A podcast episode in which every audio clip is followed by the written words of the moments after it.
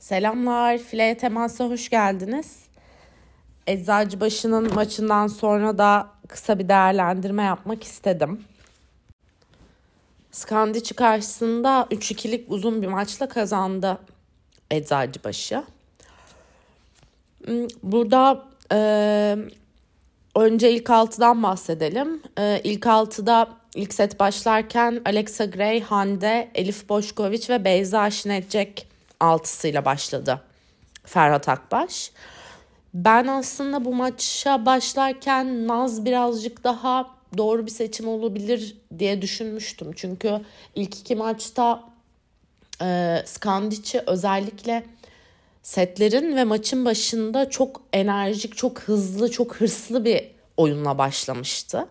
Burada birazcık daha psikolojik anlamda sakin ve ayakta kalabilen pasörün Naz olacağını düşünmüştüm açıkçası.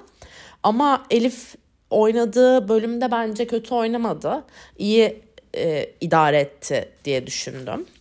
İlk sete başla, baktığımızda Eczacıbaşı iyi başladı bence. Blok disiplinliydi. Defans fena değildi ilk bölümde. Servisler de iyiydi. Ee, Alexa Gray iyi başladı ilk sette ama Boşkoviç e, üst üste birkaç hata yapınca hücum ilk sette birazcık Gray'e yığıldı. Yine de iyi kalktı altından Alexa Gray. Ee, bu seti Ferhat Akbaş en başta çok proaktif bazı müdahaleler yaptı. Yani Alexa Gray arkaya döndüğünde direkt oyundan çıkarıp Voronkova'yı soktu. Fark 3 sayıya çıktığında hemen mola aldı vesaire. Ee, bu farkın açılmasını engelledi setin ortasında yaptığı bu hızlı müdahaleler. Ama e, farkı açmalarını engellemekle birlikte farkın kapanmasını sağlayacak olan break pointleri e, gelmesini çok sağlayamadı. E, setin ortasından sonra Boşkoviç hücumda birazcık toparlandı. E, şimdi burada bu sette Eczacıbaşı çok fazla servis kaçırdı ve farkın kapanmasını bu kaçan servisler birazcık engelledi setin sonuna kadar. Setin sonunda kapanabildi oluşmuş olan fark. Eczacıbaşı Antropova'yı iyi tuttu. Kontrol altındaydı set boyunca. Setin sonunda da onlar bu, bu kez Boşkoviç'e iyi tutmayı başardılar. Ve setin sonunda avantajı yakaladılar. Setin sonunu Naz'la oynamayı tercih etti Ferhat Akbaş burada. Ee, bu avantajı geri almaya çalıştılar. Ee, ama geri almaya gerekli olan bir tane break point setin sonunda gelmedi. Ve ilk set 25-23 Skandic'inin oldu. Burada aslında oyunun oynanan bütün sete baktığımızda Eczacıbaşı'nın daha konsantre ve iyi bir maç çıkaracağı belliydi diye düşünüyorum. Sadece çok fazla yapılan servis hataları burada etkili oldu setin kaybedilmesinde. Bu sette ilk setten bahsediyorum. Simge'nin de konsantre olduğu maç boyunca iyi bir maç çıkaracağı belliydi diye düşünüyorum. İkinci sete girdiğimizde setin başında Hande'nin öldüremediği birkaç top oldu. Birkaç sayı farkla başladı Skandiç'i. Ama Eczacıbaşı bu farkın daha fazla açılmasına izin vermedi. Ve e, Eczacıbaşı momentumu aldı. İyi servis attı. iyi blok ve defanslarla Skandiç'de bir top öldürme problemi oluşturmaya başladı. Bu oluşan e, topu öldürme probleminde Elif'in set ortasına doğru attığı geldiği bir servis turu da etkili oldu. E, burada setin özellikle orta bölümünde bu kez Alexa Gray'i çıkarmamayı tercih etti Ferhat Akbaş fena servis karşılamıyordu Gray. Dolayısıyla içeride kaldı ama onun arkada kaldığı turları tabii ki hızlı dönmek önemliydi. Ve Eczacıbaşı bunu iyi yaptı. iyi defans yaparak. Skandici de tabii ki böyle olunca biraz hücumdan düştü. Özellikle Antropova'yla. Bu setin ortasında Elif bir sakatlık geçirdi ve kenara alındı. Ona öncelikle geçmiş olsun diyoruz. Sonrasında kenarda ayakta gördüm. Çok çok ciddi bir şey değil gibi görünüyordu. Umarım çok ciddi değildir. Ee, Elif'in çıkışından sonra oyuna giren Naz bence iyi adapte oldu oyuna. bir sakinlik de getirdi ve setin sonunu getirirken etkili olduğunu düşünüyorum. Burada fark açıldıkça Skandici servislerde Gray'i Gray bulmaya devam etti ama kaçırma riskini alamayınca kolay servisler atmaya başladı Alexa Gray'e. Bu eczacı başına bayağı yaradı. Ee, son bölüme girerken Zuting ve Antropova'nın arkada kaldığı tur eczacı başında iyi kullanıldı. Hücum opsiyonları burada Skandici de tabii ki iki oyuncu da arkada kaldığı için netti. Ve doğru bir şekilde blok ve defansta yerleşen Eczacıbaşı bunu avantaja çevirdi. Bundan sonra Eczacıbaşı'nın karşılıklı sayılara ihtiyacı vardı zaten. Bunu da başardılar. Stres olmadılar. Panik de yapmadılar. Seti aldılar. Bu sette özellikle defansın etkili olması, servis hatalarının azaltılması Skandic'in topu öldür öldürmeye çalışırken en az 2-3 hücum yapmasına, 2-3 deneme yapmak zorunda kalmasına sebep oldu. Şimdi bu e, tabii ki Skandici için sayıyı bu yani bir sayının sonunda mücadele edilmiş bir sayının sonunda sayı alsa da tabii ki tecrübeli bir takım olmakla birlikte hani doğru ifade etmek gerekirse birazcık yaşı ileri bir takım. Dolayısıyla yorulma katsayısı daha yüksek. Bu onların bütün maç boyunca birazcık aleyhine çalıştı. Ee, bu setin sonunda Barbolini 3 oyuncuyu ekstra dinlendirebilmek için son birkaç sayıda dışarı aldı.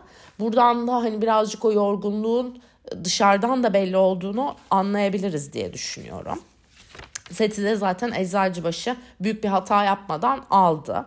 Bu sette bence Simge performansını arttırmaya başladı. Naz oldukça iyiydi. Setin ortasında girmesine rağmen bence sakatlık sonrası da girmesine rağmen Eczacıbaşı'nın aldığı ikinci set sonrası sakin ve konsantre kalması önemliydi.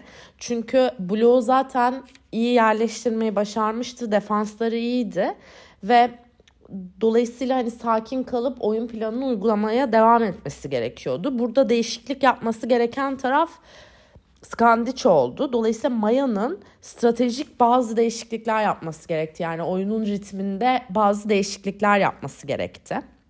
Bunu birazcık oyunu hızlandırarak ilerletmeyi tercih ettiler ve hücumcular da hücumda vurdukları topları birazcık yükseltmeye ve block out yaptırmaya çalışmaya başladılar. E, karşılıklı sayılarla başladı set. İki takım da birbirine alıştığı için top öldürme sıkıntıları oldu. İki takım içinde oldu bu. Ralliler uzamaya başladı. Eczacıbaşı burada blok defansta mücadeleyi bırakmadı ve as hata yapan, yapılan iki taraf için de as hata, az basit hata yapılan bu bölümde avantajı yakaladı aslında. Alexa Gray'in servisleri iyiydi. Ee, onun servis turunu dönmesi Skand için bayağı zaman aldı. Burada Eczacıbaşı farkı yakalayınca Skandiç'i Skandiç'de ufak bir çözülme yaşandı. Naz da bu dağınıklıktan iyi faydalandı setin orta bölümünde. Hücumu biraz çeşitlendirdi.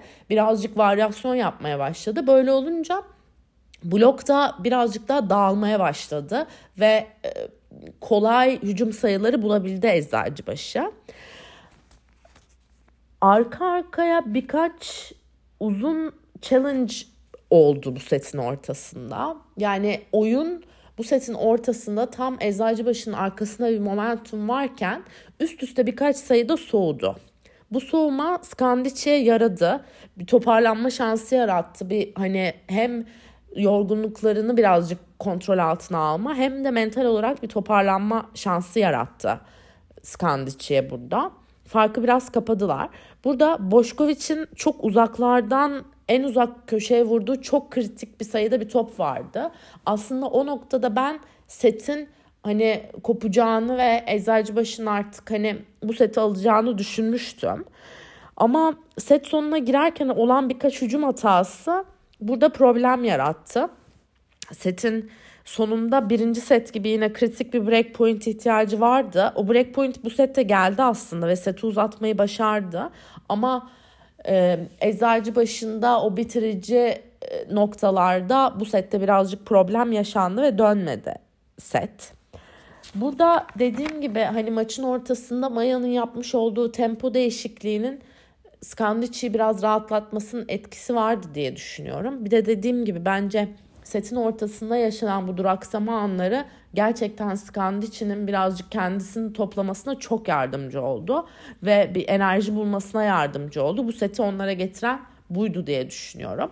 Ve de hani birkaç e, sayıda yapılan küçük hatalar Eczacıbaşı için bu setin kaybedilmesine sebep oldu. Ama yine de mücadeleden hiç düşmediler. Özellikle Jack ve Alexa Gray bu sette yine gayet iyi bir oyun çıkardı diye düşünüyorum. Dördüncü sette e, aslında tam olarak Boşkoviç'in çok ağır bir sorumluluk alması gereken bir setti dördüncü set. Çünkü maç artık 2-1'e gelmiş. Bu sete kesinlikle almanız gerekiyor. Ama birkaç üst üste hatayla başladı. Burada Gray'in iyi oyunu bunun hani bir probleme dönüşmesini, farkın açılmasını engelledi. Bu noktada aslında Eczacıbaşı tarafında küçük bir bireysel hata silsilesi başladı. Birkaç ilginç hata yapıldı. Bu noktada Naz'ın çok etkili bir iki kararı vardı. Burada kendi kullandığı birkaç topla hücumcuların üzerinden yükü biraz aldı ve oyunu birazcık sakinleştirdi. Skorun ilerlemesini sağladı. Bu da kullandığı bir iki top bu noktadan sonra ortada tecrübesiz olan Nvakolor'un kafasını karıştırdı ve maç boyunca da toparlanamadı zaten Nvakolor ondan sonra. Çünkü Naz'ın kullandığı bu toplar Nvakolor'un Naz önde olsa da arkada olsa da blokta onu beklemesine sebep oldu. Yani Nvakolor bir ara ortaya bile geç kaldı. Yani nasıl baş, başarabildi anlaşılamaz şekilde. Dolayısıyla burada Naz'ın o kırılım noktasında kullandığı bir iki top bence çok etkiliydi. Ee, bundan sonra Beyza'nın servis turunu da bir türlü düzgün bir hücuma çeviremedi Skandic'i ve iyi servis karşılayamadı. Burada fark açıldı ve oyundan düştüler. E, oyundan düştükten sonra Barbolini bu sefer birazcık daha da erken e, oyuncularını dinlendirme kararı aldı. 3 oyuncuyu yine çıkardı. Ve bu son bölümde Herbots'u biraz toparlamaya çalıştılar aslında. Çünkü Herbots birazcık hücumda bir tık e, bu maçta ilk iki maça göre düşük kalmıştı. Onun hücumda biraz oyuna girmesi gerekiyordu. Bu tam da işe yaradığını söyleyemeyiz. Çünkü Eczacıbaşı seti hızlı bitirdi. Ve setler 2-2'ye geldi. Şimdi dediğim gibi bu sette aslında takım iyi defans yaptı ve iyi bir oyun kesinlikle vardı. Ama kritik anlarda fark yaratan kişinin bu sette ben Naz olduğunu düşünüyorum. Çünkü özellikle setin başında Boşkoviç'in yaşadığı e, problem işte top öldürme problemleri yaşadığı e, sıkıntılar içerisinde Naz çözüm bulup farklı bir set almasını sağlayabildi Eczacıbaşı'nın. Boşkoviç sona doğru açılabilmesine rağmen bu sette. Dolayısıyla ben bu sette gerçekten Naz'ın oyununu çok beğendim. Böylece tiebreak'e gelmiş olduk. Tiebreak dengeli başladı. Ee, Alexa Gray'in aldığı ve öldürdüğü birkaç zor sayı Eczacıbaşı lehine dengeyi bozdu. Ve Skandici bu sefer hata yapmaya başladı. Eczacıbaşı da bu avantajı aldı. Dağıl, dağılmaya başlayan ve enerjisi düşen Skandici kendine bir türlü toparlayamadı bu noktadan sonra ve seti ve maçı da verdi. Burada şimdi e, tiebreak'te zaten bu kadar yorulmuş olan e, Skandic'in kendisini toplayamaması normal diye düşünüyorum. Ama maç boyunca onlar için aslında kötü anlamda farkı yaratan nokta bence bu maç orta oyuncu Noah Kalor'un oldukça kötü bir maç oynamasıydı. Morali de bozuktu ve kenarda onu dikkat ettiyseniz sürekli motive etmeye çalışıyorlardı. İşte destek olmaya çalışıyorlardı vesaire. Gerçekten çok ciddi anlamda kötü bir maç çıkardı. Özellikle ilk iki maçta çok iyi oynadıktan sonra bu böyle bir şoka uğramış gibiydi. Zaten genç bir oyuncu. Bir türlü kendisini toparlayamadı. Bunu da Eczacıbaşı oldukça iyi okudu ve oldukça iyi odaklandı ona düşün, diye düşünüyorum. Çünkü Maya ona hücumda ritim buldurmaya çalışıp top attıkça blokta ve defansta tutmayı başardı Eczacıbaşı. Gittikçe düşürdü oyuncuyu. Bununla birlikte ben Herbot arka alanda işte defansta ve servis karşılamada iyiydi diye düşünüyorum ama hücumda aşırı böyle momentum getiren çok e, etkili bir oyun oynayamadı. Bununla birlikte Antropova'ya da çok çok iyi çalışılmıştı. Eczacıbaşı tarafında çok büyük oranda kontrol altındaydı Antropova diye düşünüyorum. Kendileri için de aslında yani Skandici'nin ilk iki Eczacıbaşı maçında kendilerine göre çok iyi oyunlar oynadığını düşünmüştüm ben zaten. Yani potansiyelinin üstünde oyunlar oynayan bir Skandiç olduğunu düşünmüştüm açıkçası. Ve burada ben yani Skandiç'in normal seviyesinin buralarda belki bundan bir tık iyi olabilir ama buralarda olduğunu düşünüyorum açıkçası. Şimdi bir iki söz de Maya ile ilgili söylemek istiyorum bu maç noktasında. Şimdi özellikle 5. setin sonunda sayılar 10, 10, 12 ya da 13 8 falan gibi bir noktadaydı. Bir servis karşılanırken top şöyle Maya'nın azıcık ilerisine gitti. Maya'nın koşu yani ters tarafında da değil yani koşacağı tarafta olmasına ve çok yetişme ihtimali olan bir top olmasına rağmen Maya bu topa koşmadı. Şimdi bu aslında bence çok net birkaç bilgi veren bir hareket. Bir kaç kere bir tie break gördük. 12 13 8'lerden dönülebilen tie break'ler gördük. Bir burada Maya'nın artık takımın çöktüğünü düşündüğünü ve geri gelemeyeceğini düşündüğünü anlıyorum. Bu birincisi.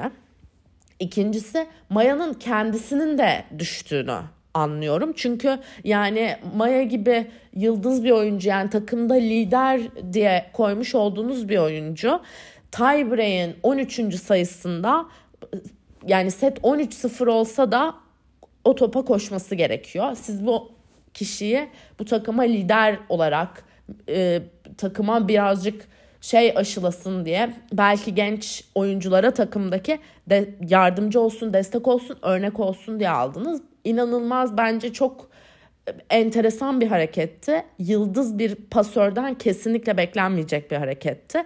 Açıkçası düşündüm yani mesela Naz'dan, Cansu'dan, Voloş'tan kesinlikle göreceğimizi beklediğim bir hareket değil. Yani kendisini parçalayarak koşacaklarından eminim hepsi için.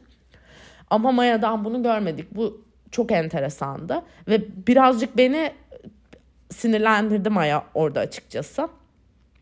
Koşması gerekiyor. Yani yaşı ne olursa olsun, tecrübesi ne olursa olsun, başarıları ne olursa olsun orada yani bir top çıkıyor, insanlar bir top karşılıyor. O topa koşulması gerekiyor. Ve hani şansı sıfır olan bir topta değildi.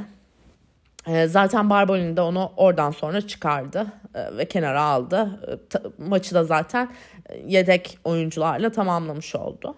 Dolayısıyla bu maçta ben dediğim gibi yani Maya beni burada birazcık kaybetti diyebilirim. Tabii ki de hani takımın içerisinde zaten maç boyunca çok müthiş bir mücadele enerjisi ve motivasyonu kalmamıştı kesinlikle. Ama bunu bir topa yükleyip koşmadığı bir top yaratmak enteresan bir reaksiyondu. Birazcık daha pozitif noktalara gelmek gerekirse Eczacıbaşı tarafında ilk olarak şunu söylemek lazım. Oldukça iyi çalışılmış bir maç oynandı. Bunu kesinlikle ve kesinlikle söyleyebiliriz. Ee, ilk iki maçtan sonra dersler iyi alınmıştı diye düşünüyorum. Hücum silahları çok net bir şekilde iyi durduruldu. Blok çok disiplinliydi. Maya'yı çok iyi okumuşlardı ve çok iyi yönettiler blok defans organizasyonunu. Blok bloğu doğru yerleştirdikten sonra Simge'nin de inanılmaz bir maç çıkarması kaçınılmaz oldu. Çok iyi oynadı. Simge zaten MVP de oldu. Son yani son dönemde zaten yükselen bir performansı var. Ama ya benim izlediğim çok iyi maçlarından birisini oynadı Simge. Gerçekten harikaydı. Bununla birlikte arka alanda yine Hande'nin de savunma performansı çok iyiydi. Ve takıma gerçekten çok faydalı bir oyun oynadığını düşünüyorum. Servislerde Alexa Gray, Beyza ve Şinecek'i ben beğendim ve servis noktalarının seçimleri ve e, derinlik seçimleri de bence oldukça iyiydi maç boyunca ve Maya'yı elimine etmeyi başardılar kötü servis karşılay karşılatarak. Maya elimine olunca zaten hücumcuların etkisi de düşmüş oldu. Bununla birlikte Alexa Gray hücumda çok iyi bir maç çıkardı. Alexa Gray Maya eşleşmesini maç boyunca çok iyi kullandı. Karşısında Maya yoksa da iyi hücum etti. Hücumda bayağı iyi bir maç çıkardı ve servis karşılama tarafında da düşük olmaması onun maç boyunca sahada kalabilmesini sağladı. Dolayısıyla servis karşılamada da kendi ortalamasının üstünde bir performans gösterdi diyebilirim. Bahsettiğim gibi ben maç boyunca Naz'ı da beğendim. Naz'ın seçimleri, sakinliği ve enerjisi de oldukça iyiydi. Boşkoviç maçın sonunda aslında baktığımızda sayı anlamında yüksek bir performans sergiledi. Ama birazcık onun için en çok iniş çıkış yaşayan oyuncusuydu. Eczacıbaşı'nın sahada. Bu alışık olmadığımız bir durum. Çok fazla bir iki hata, bir iki tane çok iyi top vurdu. Bir iki hata yaptı, bir iki tane daha çok iyi top vurdu. Böyle net bir e, momentum kendisi adına yakalamakta zorlandı. Bunu ikinci maçta toparlayacaktır diye düşünüyorum. Biraz gergindi. Yani anlaşılabilir bir şekilde tabii ki de ona çok yük düşüyor eczacı başında her zaman. Anlaşılabilir bir şekilde gergindi ama biraz şeydi. E, bu Boşkoviç için alışılamam, alışta gelmemiş bir şey. Tabii ki burada takımların da Boşkoviç'e çok iyi çalışıyor olmasının etkisi kesinlikle büyük.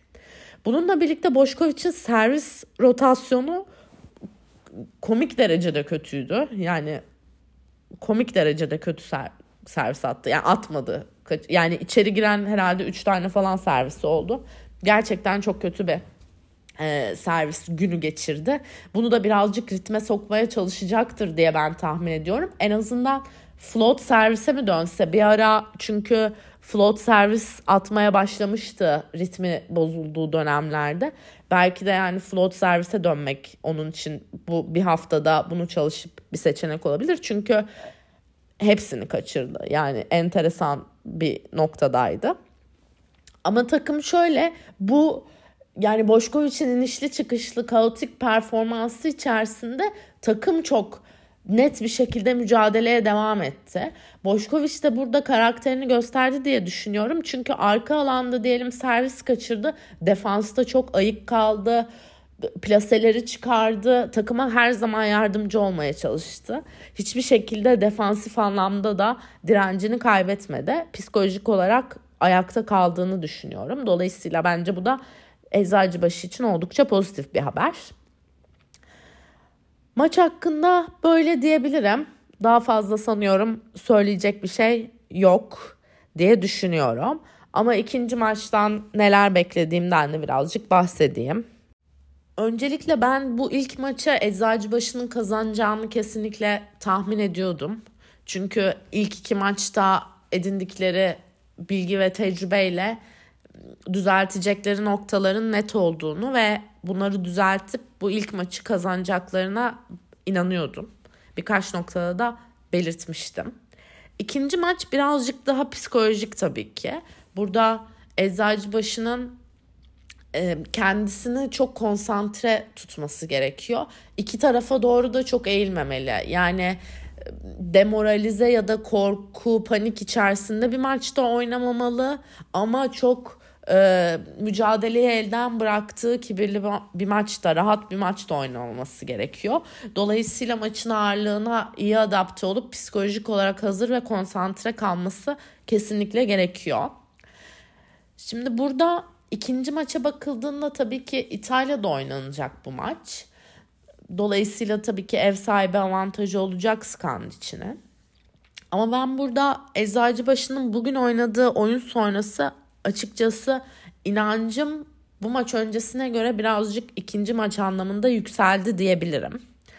Burada ben Boşkoviç'in daha iyi bir performans sergileyeceğini kesinlikle düşünüyorum ikinci maç için. Ve Boşkoviç e, daha iyi bir performans sergilediği noktada zaten maçın daha rahat bir şekilde kazanılacağının net olduğunu düşünüyorum. Burada değişmemesi gereken noktanın ben Eczacıbaşı'nın servisleri olduğunu düşünüyorum. Şimdi burada ilk sette aslında çok servis kaçırıldı ve belki de seti veren şey buydu. Ama maçı kazandıran da bence servisteki gazı çekmemeleriydi. Boşkoviç çok kötü servis attı, çok kaçırdı. Evet ama diğer oyuncuların bence serviste attıkları hem lokasyonlar hem e, oyuncu seçimleri hem de servislerin sertliği çok iyiydi. Yani değiştirmemesi gerektiğini düşünüyorum açıkçası. Kaçırmaya yani iyi servis atmak için servis kaçırmak kaçınılmaz bir şey. Dolayısıyla ben bunu sabit tutmaları gerektiğini düşünüyorum. Burada şimdi ikinci maçta Maya ve Barbolini'den çok çok farklı bir hücum organizasyonu görebiliriz. İşe yaramadığını gördükleri bu hücum organizasyonu çünkü aldıkları setleri kabul etmek lazım ki birazcık şeyle aldılar yani hem şans diyebiliriz hem Eczacıbaşı'nın kendi hataları diyebiliriz. Yani aldıkları setleri bir tık kazayla aldılar gibi oldu diye düşünüyorum ben. Dolayısıyla bunu göreceklerdir diye tahmin ediyorum ve drastik bir değişiklik görebiliriz hücum organizasyonunda. Özellikle hücumun yön tarafında, yönü anlamında yani. Burada birazcık daha hızlandırılmaya çalışılan bir oyun görebiliriz. Veya Maya'nın aşırı risk aldığı, ortaya çok top attı ve topları iyice yatırmaya başladı. Çok e, yani servis kötü çıksa da 3 metrenin gerisinden arkalardan çok hızlı toplar atmaya çalıştığı bir maç görme ihtimalimiz de var. Eğer böyle bir maç görürsek burada özellikle Zuting zorlanan bir oyuncu hızlı toplara vurmaya çalışırken. Antropova zaten bunu çok iyi yapabilecek bir oyuncu değil. Burada bu ikisinin hücum yüzdeleri birazcık daha düşecektir tabii ki. Blok organizasyonu dağılacak olmasına rağmen Eczacıbaşı tarafında çok harika performans gösteremeyeceklerini düşünüyorum. Ama burada toparlanma ihtimali olacak olan oyuncular, orta oyuncular ve Herbots olacak. Bu şey için Skandici için bir seçim haline gelmiş oluyor. Yani e, ortaları ve Herbots'u birazcık daha destekleyip Zu ve Antropova'nın başının çaresine bakmasını sağlayabilirler oyunu çok hızlandırmaya çalışarak. Dolayısıyla yani sonuçta Antropova ve Zu'nun da birazcık önüne arkasına gelen hızlı topları falan da bir şeyler yapmasını bekleyebilirler. Bu bugün oynadıkları maça göre birazcık daha farklı bir yaklaşım olabilir Skandici tarafında. Eczacıbaşı'nın aslında buna da birazcık hazırlıklı olması gerekiyor. Ee, bu noktada ne demek bu hızlandırılan oyun? Ee, özellikle köşe blokçularının birazcık daha ortaya yaklaşarak blok yapmaya çalışması demek olabilir. Ve burada tabii ki onların arkasında kalan bir numarada ve beş numarada kalan oyuncuların bu noktada defansta çok daha dikkatli ve aktif olmasına gerektirir bu, bu durum diyebiliriz. Yani bu ne demek? Bir numarada pasör ya da Boşkoviç defans yaparken çok ayık olmalı, daha fazla top çıkarmalı. Ee, zaten Simge'nin çok iyi bir performansı vardı. Çapraz'da da Simge'nin yine benzer bir performans çıkarması gerekir diyebiliriz. Çünkü orta oyuncunun çok fazla bloğa yetişemeyeceğini e, düşünürsek bu durumda. Dolayısıyla birazcık farklı bir ritim olabilir ama ben Eczacıbaşı'nın buna uyum sağlayabileceğini düşünüyorum açıkçası. Onun dışında çok fazla opsiyonu olan bir takım değil Skandiş'i. Çünkü bench'i çok boş bir takım. Yani 7 tane oyuncusu var. Oyundaki 7 oyuncu çok iyi ama bench'indeki yetkinlik ciddi anlamda düşük. Dolayısıyla opsiyonu olan bir takım değil. Bir oyuncuyu oyundan düşürdüğünüzde içeride bırakmak durumundalar ya da çok kötü bir yani kötü demeyelim tabii de düşük bir oyuncuyla değiştirmek zorunda kalıyorlar. Dolayısıyla çok fazla ihtimalleri olan bir takım olmadığı net. Bu anlamda Eczacıbaşı'nın hem yaratıcılık konusunda, oyuncuların yaratıcılık yetkinlikleri konusunda hem de bench'i konusunda birazcık daha iyi olacağını düşünüyorum ikinci maç boyunca. Dolayısıyla böyle yani birazcık da tabii ki psikolojik bir maç. Eczacıbaşı'nın bugün olduğu gibi mücadeleci ve konsantre bir oyun sergilemesi yine çok çok önemli olacak. Dediğim gibi bu maçta çıkardıkları oyun beni açıkçası şey yaptı maçın öncesine göre daha fazla eczacı başına güvenmemi sağladı. Bu senenin başından beri kritik ve iyi önemli maçlarda iyi performans sergilediğini düşünüyorum eczacı başına ve yine iyi çalışacaklarını düşünüyorum. Şimdi burada önemli konulardan birisi Skandici'nin önümüz yani hemen şimdiden sonra oynayacağı lig ma- lig maçını çok çok iyi izlemek. Çünkü o lig maçında burada o uygulamaya çalış çalışacakları taktikleri deniyor olacaklar. Bu maçlarını da ligde Cuneo ile karşı oynayacaklar. Şimdi burada da Eczacıbaşı aslında şanslı. Çünkü Cuneo da çok alt seviye bir takım. Yani İtalya Ligi'nde sondan ikinci sırada. Dolayısıyla bu çalışmaya e, gayret edecekleri taktikleri oldukça alt seviye bir takıma karşı çalışmak zorunda kalmış olacaklar. Bu da eczacı başına tabii ki de bir avantaj vermiş olacak.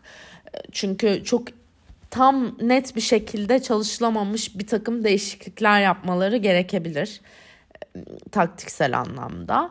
Ama tabii ki yani burada Barbolini önemli bir koç diye düşünüyorum.